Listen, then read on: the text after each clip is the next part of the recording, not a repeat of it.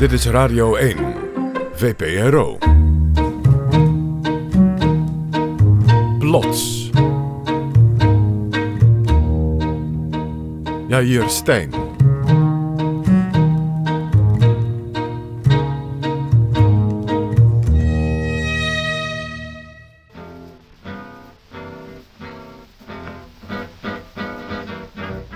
Weet je waar je nog heel vaak dingetjes aan ziet?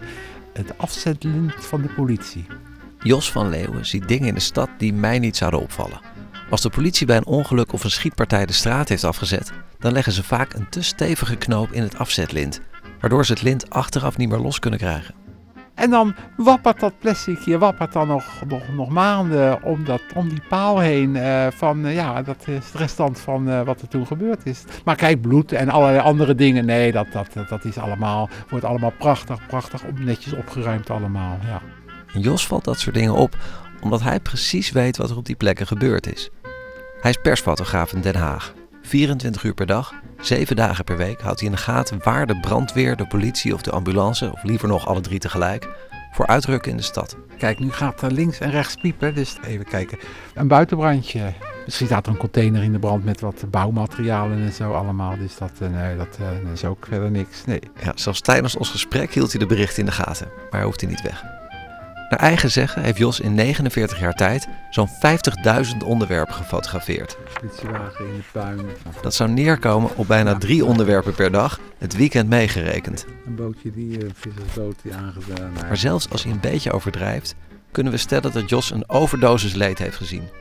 Het zijn natuurlijk niet allemaal rampen en ongelukken waar hij foto's van neemt, maar het zijn wel heel veel rampen en ongelukken. Hier, hier heb ik dus al bijvoorbeeld. eh, kleuter komt om bij brand. Ja, dat is weer zo'n zo'n verschrikkelijk zielig geval. Nou, ik kan- ik kan nog eventjes naar, naar het begin van dit boek kijken hoor. Er zijn kruispunten waar hij al 30, 40 keer geweest is. Steeds voor een nieuw ongeval. Het is steeds een aanrijding. Het zijn steeds auto's die ergens tegenop rijden of een fiets eronder. En toch is het steeds anders. Het is steeds een brand. Het zijn steeds weer vlammen die, als ik mooi op tijd ben, die uit een pand gaat. Of, of rook of zo. En toch is het steeds weer anders. Hij wordt er niet door geraakt, anders zou hij dat werk helemaal niet kunnen doen. Alles gaat langs je heen. Omdat je dan op dat moment op zoek bent naar die goede foto. Ergens in je hoofd zal daar iets hards, hards zitten, ja. Maar soms komen de beelden terug. Als je dus in de auto rijdt en je rijdt weer datzelfde kruispunt over, waar je dan bijvoorbeeld, oh, als dat een jaar of twee of drie jaar geleden, dat ernstige ongeval gebeurd is. Ja. Op onschuldig uitziende plekken ziet Jos een tweede laag achter de werkelijkheid. Het nabeeld van de foto's die hij daar heeft gemaakt. Die herinneringen van het moment van dat ik het gemaakt heb, zitten echt wel op dat plekje geplakt. Want eh, ik rij ook vaak eh, door de binnenstad en dan zie ik daar die bloemen weer. Dan denk ik, ach jeetje, ja, één keer per jaar doen, doet de familie het. Die hebben daar, hun, hun zoon is daar toen vermoord. En dan zie je het helemaal, helemaal weer voor je. Zelfs als er geen bloemen te zien zijn of restjes afzetlint, duiken de beelden op. Zoals op Scheveningen, waar een kind om het leven kwam bij een zware aanrijding. En dan- nou praat ik over, nou wat zal het zijn, 30 jaar geleden wel. Maar het blijft toch bij je hangen. Ja. Dit is plots met wonderlijke ware verhalen rond één thema. Thema vandaag, de kracht van het beeld. Over beelden die je achtervolgen op allerlei mogelijke manieren. Drie verhalen hebben we vandaag. Acte 1 gaat over het bijzondere beeld dat mensen hebben van zichzelf. Acte 2 over hoe het beeld van je eigen buurt kan veranderen door één griezelige foto. En acte 3 over de rampzalige gevolgen als anderen een verkeerd beeld van je hebben. Blijf luisteren.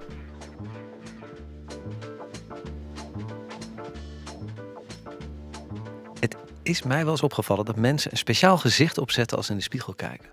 Ze gaan hun lippen tuiten. Ze kijken ineens heel ernstig of ze, ze trekken een soort blanco pokerface. Het is in ieder geval een uitdrukking die anderen vaak helemaal niet te zien krijgen. En de vraag is, wat zien ze dan precies als ze zo naar zichzelf kijken? Eén ding is zeker, meer dan alleen hun uiterlijk. Jennifer Patterson sprak met vier mensen over de onzichtbare beelden die schuilgaan achter hun spiegelbeeld. Acte 1, achter de spiegel. I am a very stylish girl. Ik keek altijd heel lang in de spiegel. Ik, ik, ik heb er wel eens eh, echt een uur voor gestaan, denk ik. elke ochtend en elke avond thuis. Maar ook heel vaak als ik aan het werk was op de computer, dat ik even opzij naar de spiegel keek. Ja, eigenlijk elk moment dat, dat het kon. How do I look?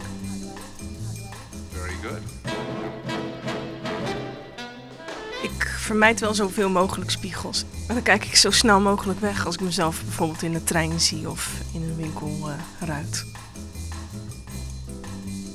s ochtends kijk ik tenminste 30 minuten in de spiegel. Het kan ook langer zijn als het een beetje tegen zit. How do I look? Very good. Ik begin altijd met eh, mijn gezicht natuurlijk helemaal schoon te maken. Dan krijgt mijn gezicht een kleine massage om de doorbloeding te bevorderen. Nou, en dan gaan we met uh, crèmes beginnen.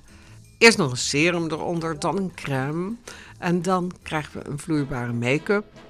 En die wordt dan ingeklopt met een sponsje. En dan verder nog, uh, wordt er nog met poeders en blushers gewerkt. En dat allemaal op een manier waarop je dus niet ziet dat het make-up is. Dat allemaal, zodat je het niet ziet. Ja. allemaal zodat het onzichtbaar is en het heel natuurlijk overkomt. Nou, en daarom uh, ga ik ook niet zo vaak op de fiets.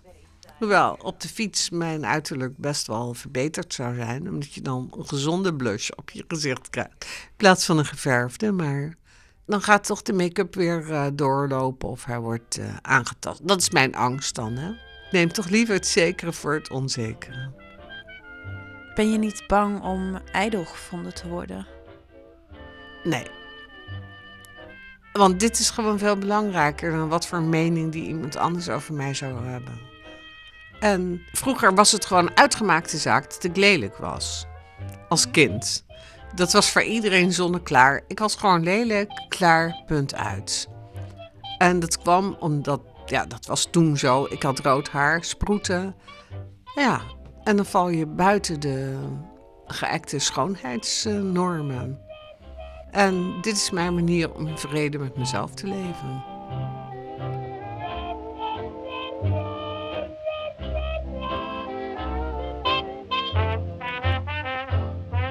Ik keek vaak in de spiegel. Elk moment als, ik, als er een spiegel was. En ook in de reflectie van uh, etalages of uh, ja, spiegelende voorwerpen. Als ik uit was ergens, dan checkte ik of ik nog steeds wel de mooiste was die er rondliep. Of dat er, dat er misschien uh, mensen waren waar ik tegenop moest. En ook al dat ik ja, toch wel een beetje geobsedeerd erdoor was. Dat ik dacht dat mijn persoonlijkheid toch ook voor een groot deel daarop gebaseerd was. Yeah. Ja, mijn voorkomen. En dat is een tijdje zo erg geweest dat ik dacht dat dat mijn enige kwaliteit was. Ik dacht van nou, ik ben de hele tijd bezig met mijn eigen uiterlijk. En dat staat zo in de weg om echt te leven en echt contact te hebben. Dus toen heb ik eigenlijk besloten dat het maar eens over moest zijn. Ik denk dat ik vroeger een half uur bezig was in de spiegel. Nu s ochtends een kwartier.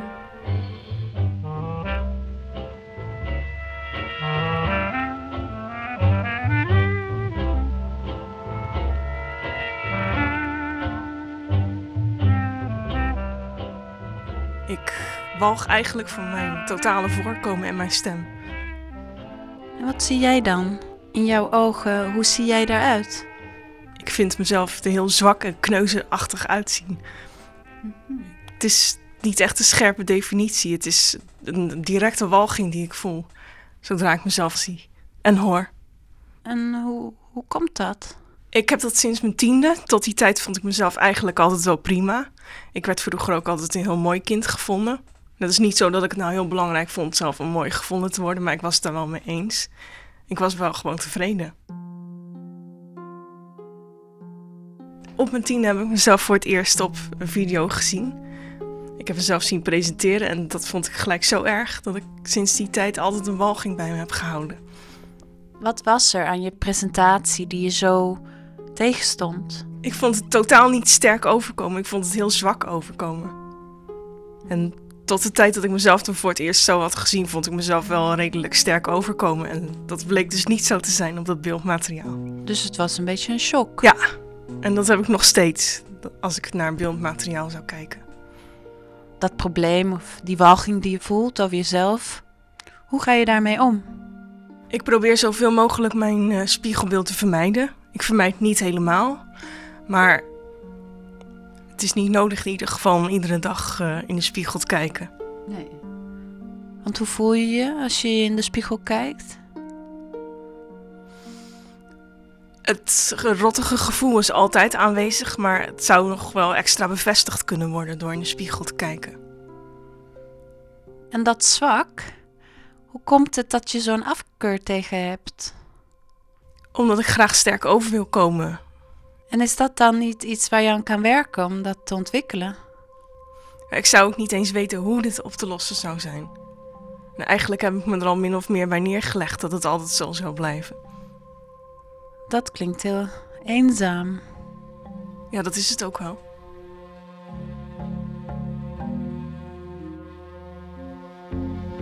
En ik neem aan dat, dat het je hele leven beïnvloedt dat je je zo over jezelf voelt. Ja, dat wel. Ik zou het liefst een, een juristenopleiding willen volgen, rechtsgeleerdheid op de universiteit. Maar daar heb je een onderdeel dat heet Mokour. En dan moet je naar videobeelden van jezelf kijken bij de oefenrechtbank. Dus dat is natuurlijk wel, uh, ja, wel iets waardoor ik me laat tegenhouden. Ik volg nu dan een, een andere opleiding. Maar wat ik het liefste zou willen, stel ik dus toch uit.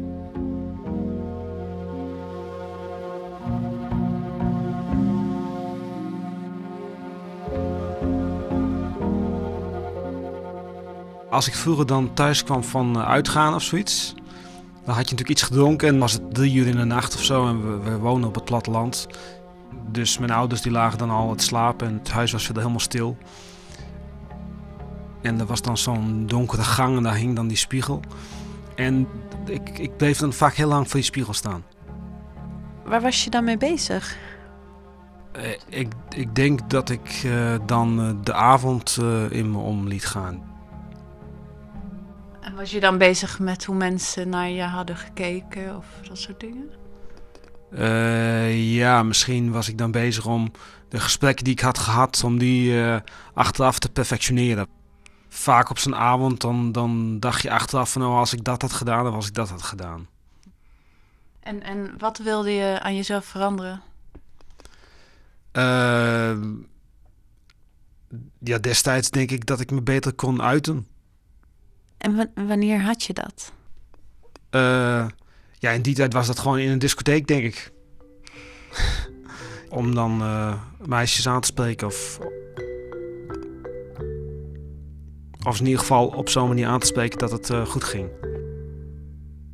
Ging het dan vaak mis? ja. Ja, ik was niet een hele grote spreker of zo. Dus, dus misschien zat ik dan voor, het spiegel, voor mijn spiegelbeeld te het opnieuw uh, te bedenken wat ik had kunnen zeggen en dan in de perfecte vorm. Ging je dat ook toepassen dan de volgende keer? Of veranderde er ooit iets? Uh, nou, vaak als je dan inderdaad weer terug was bij de spiegel, dan, uh, dan kwam je daar achter dat het, dat, het, dat het toch weer niets was veranderd. Dat was natuurlijk vaak gewoon um, één keer de week of zo dan kwam ik thuis en dan, dan liep ik langs die spiegel. En als ik dan weer terug was bij die spiegel, dan was ik eigenlijk weer terug bij af. Zo voelde het. Ja. De dialoog die je hield in de spiegel, de, de verbeterde versie van je gesprekken, doe je dat nog steeds? Ik doe het nu nog wel steeds soms. maar op een gegeven moment moet je ermee ophouden natuurlijk. Oh ja? Op een gegeven moment dan denk je van ja, hier zit dus niet de verandering. Nee, de verandering zit gewoon niet uh, voor de spiegel. Die zit in de echte wereld.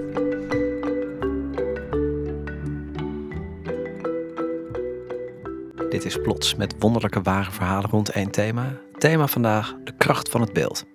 We gaan naar acte 2. Beter een goede buur over het effect van één vage foto en te veel informatie. Ik loop dus nu onder het spoor door en uh, in het midden staat zo'n rij pilaren. En als degene die aan de overkant precies in hetzelfde tempo loopt, dan zie je dus niet wie het is. Elke keer als ik nu hier onderdoor loop, Dan hou ik af en toe even mijn passen in. En dan kijk ik zo langs die pilaar naar de overkant. Om in het gezicht te kijken van mijn tegenligger. In dit geval een man met een capuchon.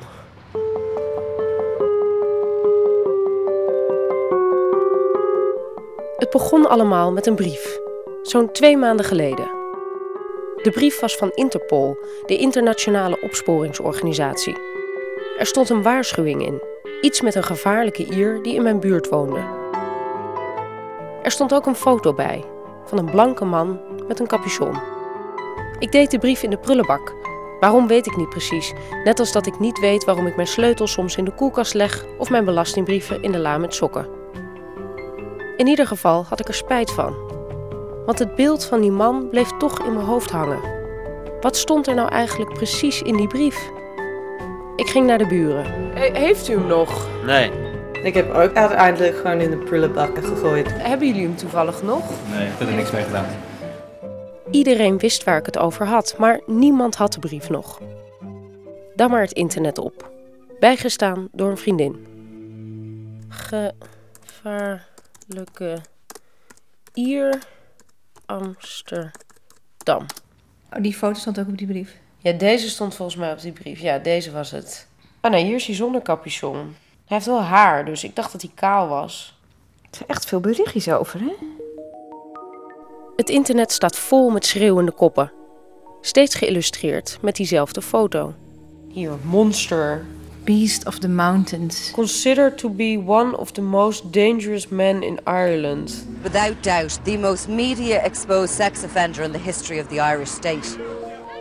Maar hij is ook gewoon een soort van bekend, bekend iemand. Hij heeft gewoon een Wikipedia-pagina. In de jaren 90 verkrachtte hij een jonge vrouw in het Ierse Carlo meerdere keren en op verschillende plekken. Hij bond haar vast in een kofferbak van zijn auto. Toen ze begon terug te vechten, plaatste hij een plastic zak over haar hoofd. and proceeded to brutally rape and beat her a number of times. Ik besluit te informeren in de buurt of mensen weten wat er met deze man gebeurd is na de brief. Een klant in de bloemenwinkel zegt: Hij is weer opgepakt. Ja, zij hebben hem te pakken. Met een helikopter. Ja. Oké. Volgens mij eh, zijn, is hij dan wel gepakt. Tenminste, dat heb ik gehoord hoor. Als Ja. het niet waar is, dan kan ik er ook niks aan doen. Eerlijk gezegd heb ik geen helikopter gezien. En waarvoor is hij dan eigenlijk opgepakt? In alle berichten staat dat hij zijn tienjarige straf heeft uitgezeten en nu een vrij man is. Ik ga niet echt rustig slapen. Het is nu zeven uur 's ochtends en ik word net wakker, een beetje brak. Want vannacht om een uur of vier, vijf denk ik, werd er eh, drie keer aangebeld. En ehm, ik heb dus helemaal niet meer kunnen slapen.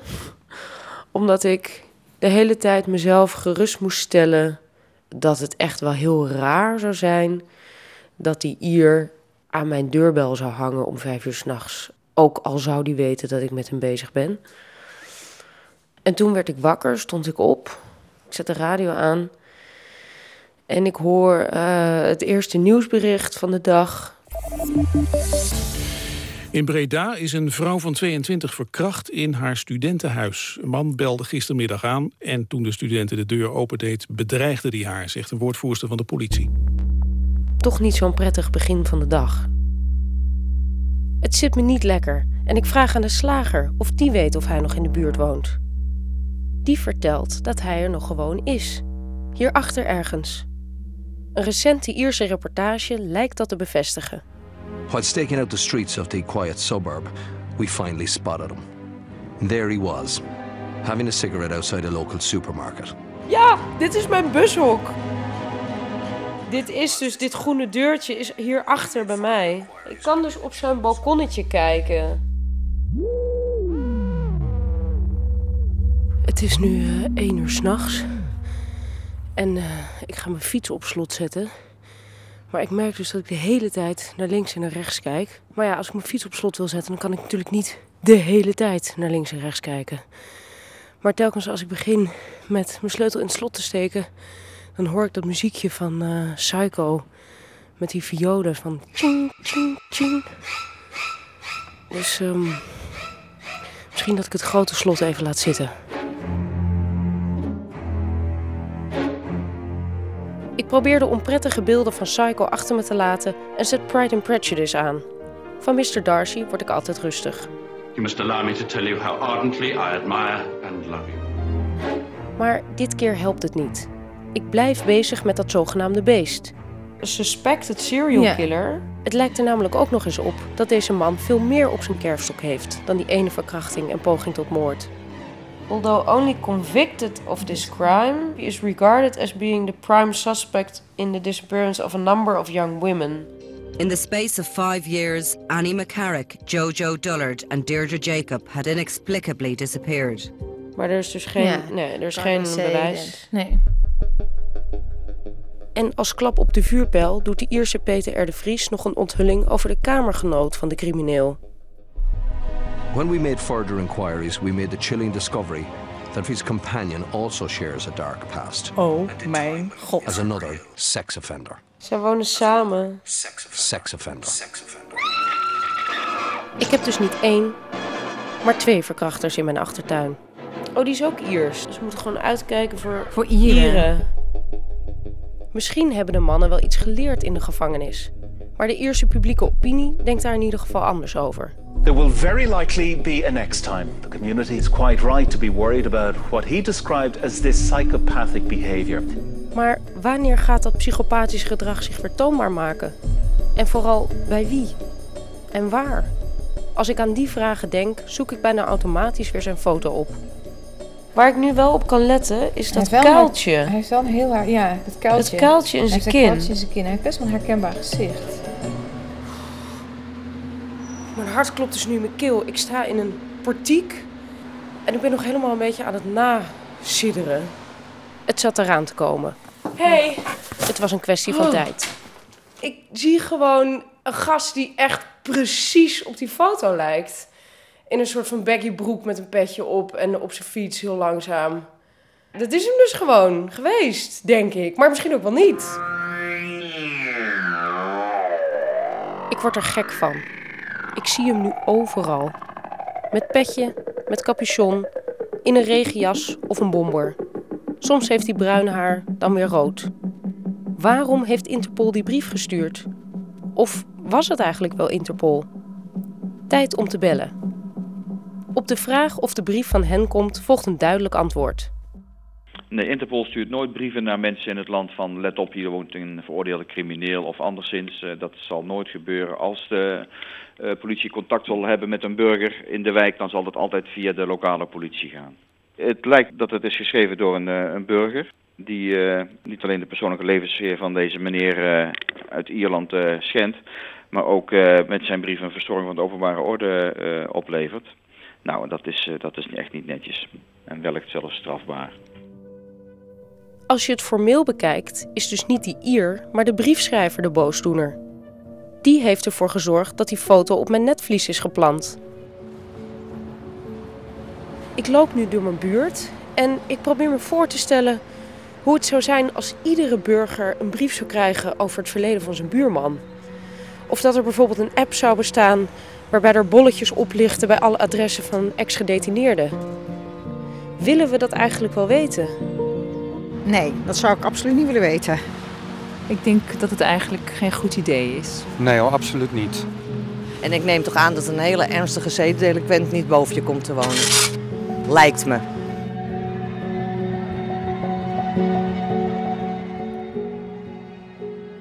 Goed, acte 3. De verkeerde foto. Veel kranten hebben een speciale rubriek met aanvullingen en correcties voor namen die verwisseld zijn, foto-onderschriften die niet kloppen, etc. En die rubriek die is vaak klein en ergens in een hoekje van de krant weggewerkt. Het is natuurlijk ook gênant om toe te moeten geven dat je een fout hebt gemaakt. En bovendien weten journalisten dat nieuws, als het eenmaal groot naar buiten is gebracht, niet meer terug te draaien valt. Waar journalisten niet bij stilstaan, is dat sommige foutjes rampzalige gevolgen kunnen hebben voor de mensen die het betreft. Het volgende verhaal is daar een voorbeeld van. Het begint in een fotostudio in Teheran. Op 2 juni 2009 laat Neda een pasfoto maken. Ze draagt een zwarte zijden hoofddoek met roze en gele bloemen. Als je goed kijkt, zie je dat ze een beetje make-up op heeft. Voor de foto zet ze een voorzichtige glimlach op. Neda is ontevreden met de nieuwe pasfoto. Ze herkent zichzelf niet. Maar haar moeder en vriendinnen vinden de foto wel mooi. En dus besluit ze hem na een week als profielfoto op haar Facebookpagina te zetten. Op 21 juni willen honderden mensen Facebook-vrienden met haar worden. Elke minuut worden het er meer. Er is sprake van een vergissing, met grote gevolgen. Hier is Neda bij het Amerikaanse radioprogramma On the Media. I had friends who started telling me that I needed a backup plan in case things go wrong. And they arranged for my escape. The whole sequence of events happened in a matter of 12 days. Twaalf dagen later moet ze het land ontvluchten.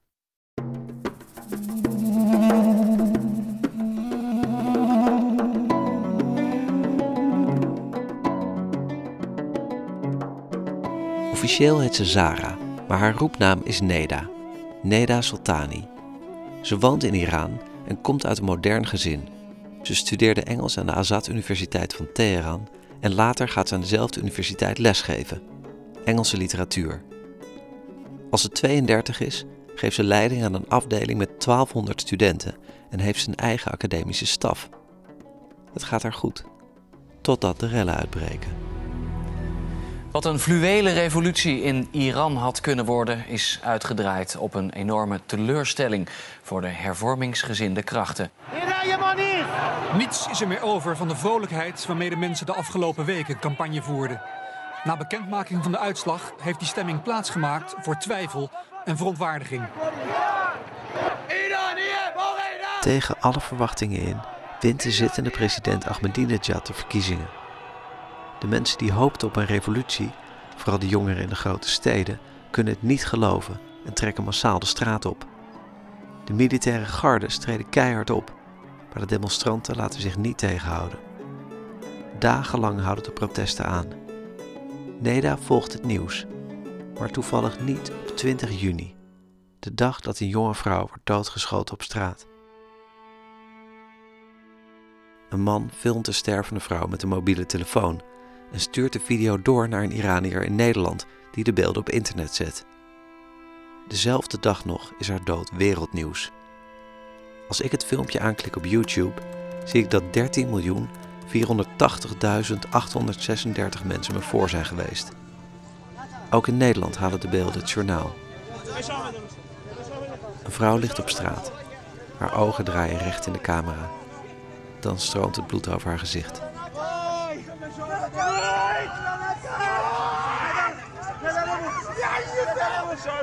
De vrouw zal het symbool worden van de opstand tegen het regime. Haar naam is Neda.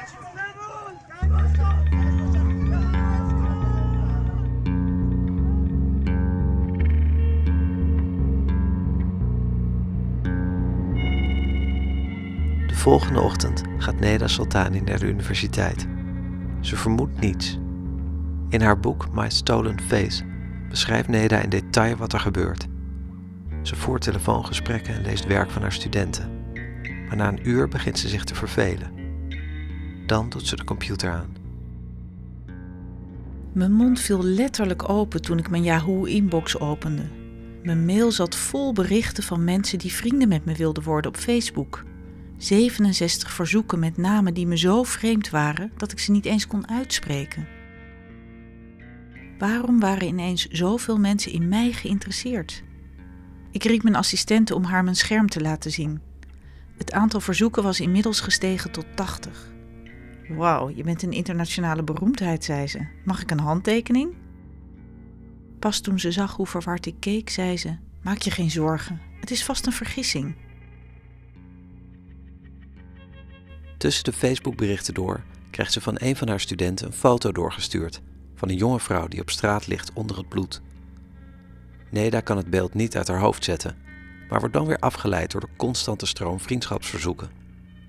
Het zijn er nu meer dan 150. Dan krijgt ze een e-mail van een Amerikaanse vrouw. Dear Neda, I am trying to identify the Neda Sultani shot to death in Tehran June 20th. I can only do this by process of elimination. Beste Neda, ik probeer achter de identiteit te komen van Neda Soltani, die in Teheran is doodgeschoten op 20 juni. Ik kan er alleen achter komen door iedereen te benaderen die zo heet en wie niet reageert te schrappen.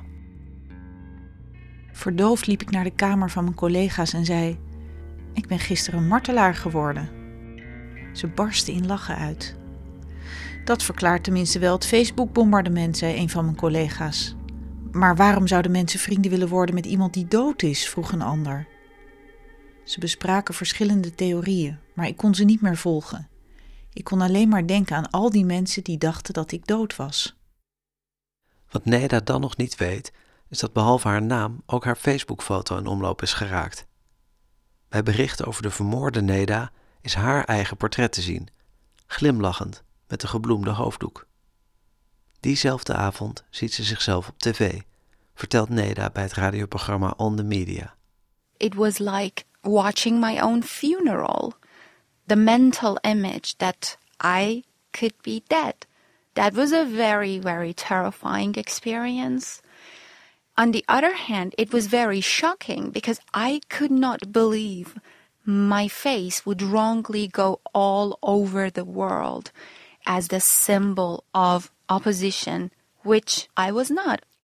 Neda is niet politiek actief. Ze was even kritisch over de zittende president als over oppositieleider Mousavi, die de premier was van Iran tijdens de oorlog met Irak. Daarom had Neda bij de verkiezingen niet eens gestemd. Maar intussen is haar gezicht het symbool geworden van de oppositie en valt de verspreiding van haar foto niet meer tegen te houden. Het beeld duikt op in de Iraanse media, op CNN, Fox News en de BBC. Haar portret is overal. She um, is known as Neda. Her name is Neda. that's her name. Okay, The facts surrounding her tweets now. life Let's show you a lot of people tweeting about her, and this is one of the, the first ones just come through. We're grabbing the latest ones minute by minute, sharing them with you here. Um, Mijn foto ging met me op de loop. Iedereen had hem gezien, maar ik kon er geen vat op krijgen. Mijn mobiele telefoon hield niet meer op te rinkelen. Wat moest ik tegen al die mensen zeggen? Neda wordt gebeld door haar vrienden, studenten en collega's die in huilen uitbarsten als ze haar stem horen en beseffen dat ze nog leeft. Dan komt ze in actie. Ze stuurt berichten naar de pers.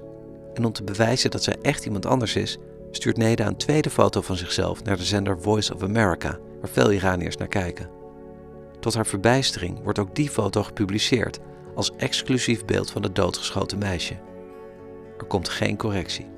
Nothing. Nobody ever wrote back. Nobody ever apologized.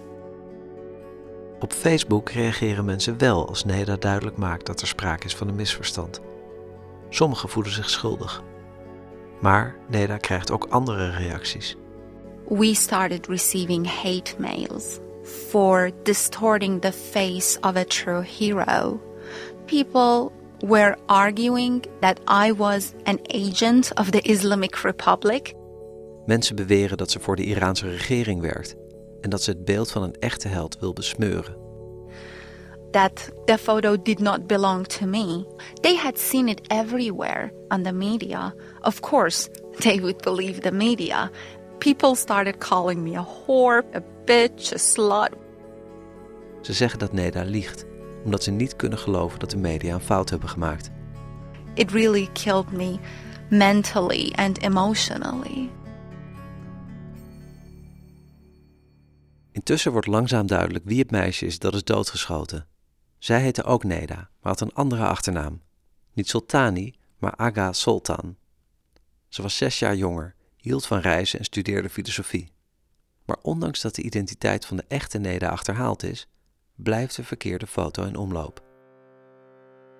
En dan staan er twee mannen voor de deur.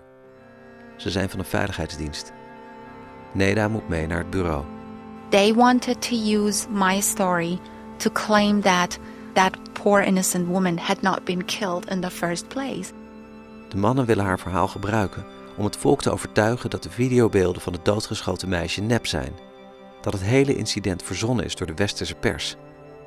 Met Neda's hulp kan de regering laten zien dat de vrouw op de foto springlevend is en dat er nooit iemand is doodgeschoten.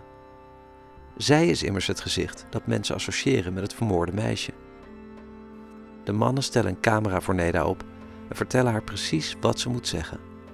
De boodschap is: That look, people, this is the photo you have seen, and this is the person who owns the photo. The whole thing is fake. Als ze weigert het spel mee te spelen, wordt Neda vrijgelaten. Maar ze krijgt wel een boodschap mee. Hij zei: Je bent een bijzonder dappere vrouw. Deze plek is zo bekend dat zelfs de grootste macho's zich anders gaan gedragen als ze hier moeten verschijnen. Meestal worden ze erg bang. Maar u blijft assertief en zelfverzekerd. De volgende dag zijn de mannen terug. Opnieuw moet ze naar het bureau komen. Dit keer krijgt ze andere ondervragers. De man die binnenkwam was een reus. Onmiddellijk rook ik zijn zweetlucht. Hij begon tegen me te schreeuwen met een ongekende woede. De man naast hem staarde naar me, maar niet naar mijn gezicht. Ik moest denken aan alle verhalen van wat ze met vrouwen doen in detentie. Ik keek naar zijn handen langs zijn zij en dan weer naar mijn eigen handen om te zien of ik mijn nagels als wapen zou kunnen gebruiken. Maar ik had mijn nagels kort geknipt en de lak weggehaald voor ik naar het bureau ging. Neda bij het radioprogramma On the Media. They charged me with treason against the national security of my country, which in Iran can bring about death penalty. Neda blijft weigeren om mee te werken en wordt beschuldigd van landverraad, waar je in Iran de doodstraf voor kan krijgen. Toch wordt ze die dag opnieuw vrijgelaten. Een paar dagen laat de veiligheidsdienst niets van zich horen. Maar dan staan ze voor de derde keer bij haar voor de deur en nemen haar mee. Urenlang verhoren ze haar. Ze schelden haar uit en beschuldigen haar familie van staatsvijandelijke activiteiten. Ze is zo bang en uitgeput dat ze het bewustzijn verliest. Dan wordt ze in Teheran op straat gedumpt. De volgende dag moet ze weer terugkomen. Voor het eerst begrijpt Neda dat er geen uitweg is. Ze moet vluchten. Twaalf dagen geleden was ik nog een gerespecteerd docent. Ik vertelde mijn studenten over Kafkaeske plotwendingen in fictie. Hoe een absurd systeem kan leiden tot onderdrukking en nachtmerrieachtige situaties die het leven van mensen kunnen gaan beheersen. Ik had nooit gedacht dat ik ooit zelf in zo'n situatie terecht zou komen. Die nacht logeert ze bij Mirjam en Kasra, vrienden die haar willen helpen om te ontsnappen. Als ze wakker wordt, dringt de werkelijkheid maar moeilijk tot haar door. Ze wast haar gezicht en kleedt zich aan. Haar koffer is gepakt. In de taxi naar het vliegveld voel ik me als een veroordeelde die naar de laatste bestemming wordt gebracht. Ik ben me bewust van alle straten waar we doorheen rijden in Teheran. Ik zal ze niet meer terugzien. Intussen praat de taxichauffeur non-stop en draait zijn collectie van Turkse, Indiaanse en Arabische liedjes. Doe die verdomde muziek uit, schreeuw ik tegen hem, voor ik me kan inhouden. De arme man is zo geschrokken dat hij even de controle over het stuur verliest. Sorry, zeg ik. Ik ben de afgelopen dagen mezelf niet meer. Elk moment verwacht ze opgepakt te worden op het vliegveld. Ze vraagt zich af hoe het zal gaan. Zouden ze haar direct in de boeien slaan en meenemen naar de gevangenis? Ze wacht met haar paspoort in de hand. Ik probeer mijn trillende hand te controleren terwijl ik de douanebeambte mijn bruine paspoort en het rode ticket geef. Ik kan niet meer ademen. Hij laat het ticket op de toonbank glijden, houdt het paspoort in de lucht en werpt er een vluchtige blik op. Dan pas kijkt hij recht in mijn gezicht. Mevrouw Zara Soltani, zegt hij nadrukkelijk. Ik hoor in zijn toon dat hij het grappig vindt om me te zien, zoals een kat die een muis gevangen heeft. Hij kan met me doen wat hij wil. De douanier weet wie hij voor zich heeft, want via Neda's vrienden heeft hij een zak geld gekregen om haar door te laten. Neda heeft het betaald, maar er zijn geen garanties dat de man zich aan de afspraak zal houden. Nog even geniet hij van zijn macht. Dan glimlacht hij en laat haar gaan.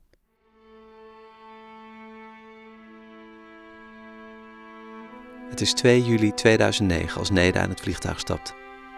Ze reist naar Duitsland, waar ze in een asielzoekerscentrum terechtkomt. Acht maanden later krijgt ze een brief. Ze mag in het land blijven. Als ik op Google naar foto's zoek van Neda Soltani, vind ik een collage waarin beelden van de twee Neda's door elkaar lopen. Zelfs de Amerikaanse zender CNN en de Engelse krant The Guardian blijven haar portret gebruiken, ook al heeft Neda aan op de hoogte gebracht van de vergissing. Maar zelfs als haar foto bij ieder artikel vervangen zou worden, Neda's leven wordt nooit meer hetzelfde. I left behind my friends. I left behind my job. I left behind my world. You do not like to live a life in a shadow. And that is somehow my life. I have to live the rest of my life in the shadow of a person that I am not. Neda heeft alles achter moeten laten: haar vrienden, haar baan en haar familie. Ze leeft in de schaduw van een ander. En tegelijk beseft ze dat ze geluk heeft gehad. Haar naamgenoot heeft geen tweede kans gekregen. Ze moet vaak aan haar denken. She's part of me. I go through life with her. Het complete interview met Neda Soltani bij het radioprogramma On The Media en een link naar haar boek My Stolen Face zijn te vinden op onze website www.vpro.nl slash plots. Neda Soltani woont nu in Hamburg. Ze is gastdocent aan Montclair State University in New Jersey. En haar boek heeft ze opgedragen aan Neda Aga Soltan en aan alle Iraniërs die vechten voor vrijheid en democratie. Plots werd gemaakt door Katinka Beer. Die maakte ook de opnames met persfotograaf Jos van Leeuwen helemaal aan het begin van de uitzending. Esma Linneman, Jennifer Patterson, Jair Stijn, Laura Stek, Steffi Schager en vele andere. Productie, Sharon de Vries, techniek, Alfred Koster. Plots wordt mede mogelijk gemaakt door het Mediafonds. Ik wil nog even speciaal Chris Baema bedanken voor alle keren dat hij hier naast mij zat te presenteren. Volgende week zijn er weer verhalen van Studio Itzerda. Zo dadelijk komt Harm Edebordje voor Bureau Buitenland. En plots is er weer op zondag 24 februari. We gaan het hebben over verrassingen waar je niet op zit te wachten. We zoeken ook nog verhalen. Mensen mogen die sturen via plots.vpro.nl. En we zijn heel blij altijd met uw reacties. Die zien we tegemoet op vpro.nl slash plots. Bedankt voor het luisteren.